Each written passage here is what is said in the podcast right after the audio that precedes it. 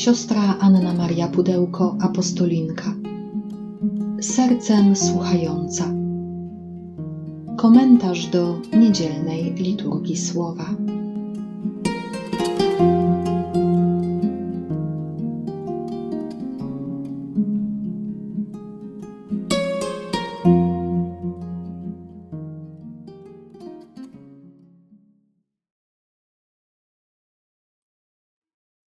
Ewangelii według świętego Łukasza. W pierwszy dzień tygodnia dwaj uczniowie Jezusa byli w drodze do wsi zwanej Emaus, oddalonej o 60 stadiów od Jeruzalem.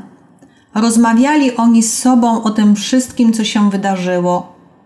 Gdy tak rozmawiali i rozprawiali z sobą, sam Jezus przybliżył się i szedł z nimi, lecz oczy ich były jakby przesłonięte – tak, że go nie poznali. On zaś ich zapytał: Cóż to za rozmowy prowadzicie z sobą w drodze? Zatrzymali się smutni, a jeden z nich imieniem Kleofas odpowiedział mu: Ty jesteś chyba jedynym z przebywających w Jerozolimie, który nie wie, co się tam w tych dniach stało. Zapytał ich: Cóż takiego? Odpowiedzieli mu: To, co się stało z Jezusem Nazarejczykiem, który był prorokiem potężnym w czynie i słowie wobec Boga i całego ludu. Jak arcykapłani i nasi przywódcy wydali go na śmierć i ukrzyżowali. A my spodziewaliśmy się, że on właśnie miał wyzwolić Izraela. Ale po tym wszystkim dziś już trzeci dzień, jak to się stało. Nadto jeszcze niektóre z naszych kobiet przeraziły nas. Były rano u grobu, a nie znalazłszy jego ciała, wróciły i opowiedziały, że miały widzenie aniołów, którzy zapewniają, iż on żyje. Poszli niektórzy z naszych do grobu i zastali wszystko tak, jak kobiety opowiadały, ale jego nie widzieli. Na to on rzekł do nich: o nierozumni, jak nieskory są wasze serca do wierzenia we wszystko, co powiedzieli prorocy. Czyż Mesjasz nie miał tego cierpieć, aby wejść do swej chwały? I zaczynając od Mojżesza, poprzez wszystkich proroków, wykładał im, co we wszystkich pismach odnosiło się do niego. Tak przybliżyli się do wsi, do której zdążali, a on okazywał, jakby miał iść dalej lecz przymusili go, mówiąc: Zostań z nami, gdyż ma się ku wieczorowi i dzień się już nachylił. Wszedł więc, aby zostać wraz z nimi. Gdy zajął z nimi miejsce u stołu, wziął chleb, odmówił błogosławieństwo, połamał go i dawał im. Wtedy otworzyły się im oczy i poznali go, lecz on zniknął im z oczu i mówili między sobą: Czyż serce nie pałało w nas, kiedy rozmawiał z nami w drodze i pisma nam wyjaśniał? W tej samej godzinie zabrali się i wrócili do Jeruzalem. Tam zastali zebranych jedenastu, a z nimi też innych, którzy im oznajmili: Pan rzeczywiście zmartwychwstał i ukazał się Szymonowi. Oni również opowiadali, co ich spotkało w drodze i jak go poznali przy łamaniu chleba. Mamy różne reakcje w ten pierwszy dzień zmartwychwstania. Maria Magdalena, inne kobiety idą do grobu, znajdują grób pusty. Piotr i Jan biegną do grobu, widzą grób pusty, nie widzą Jezusa. E, tydzień temu słyszeliśmy, jak Jezus przychodzi mimo drzwi zamkniętych tego wieczora właśnie pierwszego dnia tygodnia. A dzisiaj słyszymy o dwóch innych uczniach, którzy w tym momencie uciekają z Jerozolimy. Uciekają z miejsca traumy, z miejsca dramatu, który przeżyli. Idą we dwójkę i na szczęście rozmawiają ze sobą. Chcą wydobyć ten ból, to przerażenie, ten smutek, Jeden z nich ma na imię Kleofas, a drugi nie ma imienia. Tym drugim uczniem może być każdy i każda z nas. I może dzisiaj warto pytać się o nasze drogi ucieczek.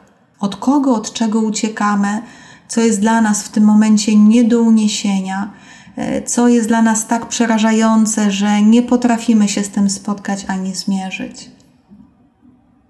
I niesamowite jest to, że Jezus to rozumie, że Jezus tego nie potępia, że Jezus tego nie ocenia. On po prostu przybliża się i idzie z nami, tak jak szedł z Kleofasem i jego towarzyszem drogi. I przepiękne jest to, że Jezus stawia pytanie i chce słuchać. Apostołowie są, czy uczniowie, są trochę zdziwieni, mówią: To ty nie wiesz, co się stało w Jerozolimie? Być może nawet pomyśleli, jaki nieogarnięty jest ten człowiek. No ale skoro nie wie, to dobrze jest mu to opowiedzieć. Jeszcze jeden powód był uwolnić serce od tego ogromnego balastu, który w sobie noszą. I opowiadają o Jezusie.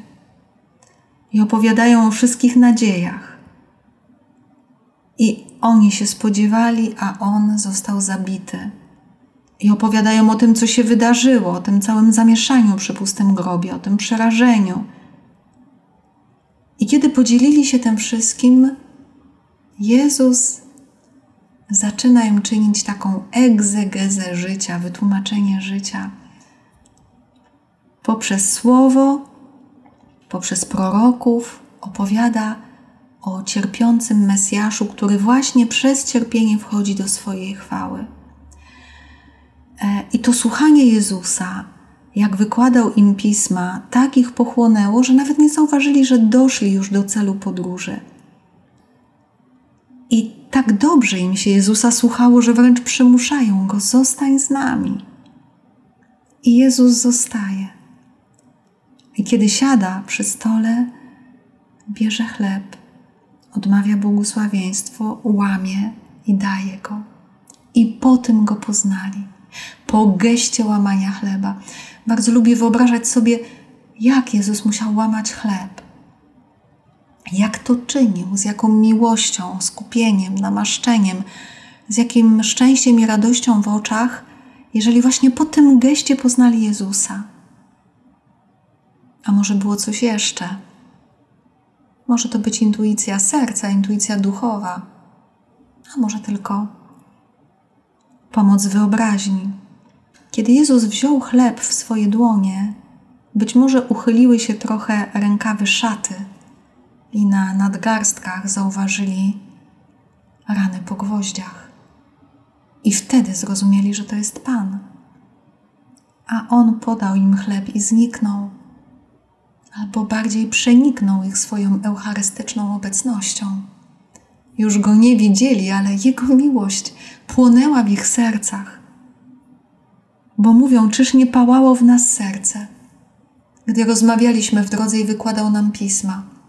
A teraz pała im serce do tego stopnia, że mają odwagę wrócić do miejsca traumy, do miejsca bólu, do miejsca porażki, by powiedzieć, że spotkali żywego Jezusa.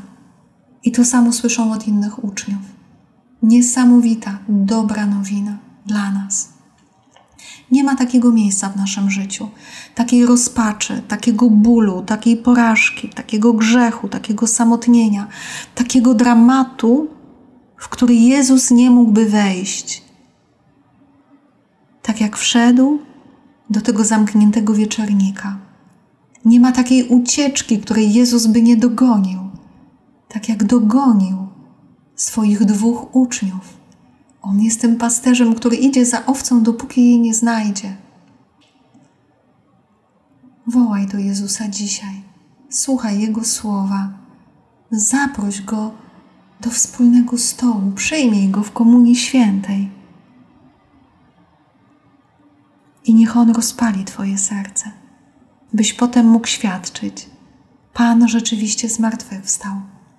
Jezus żyje i idzie z nami po drogach naszego życia, ku naszym braciom i siostrom.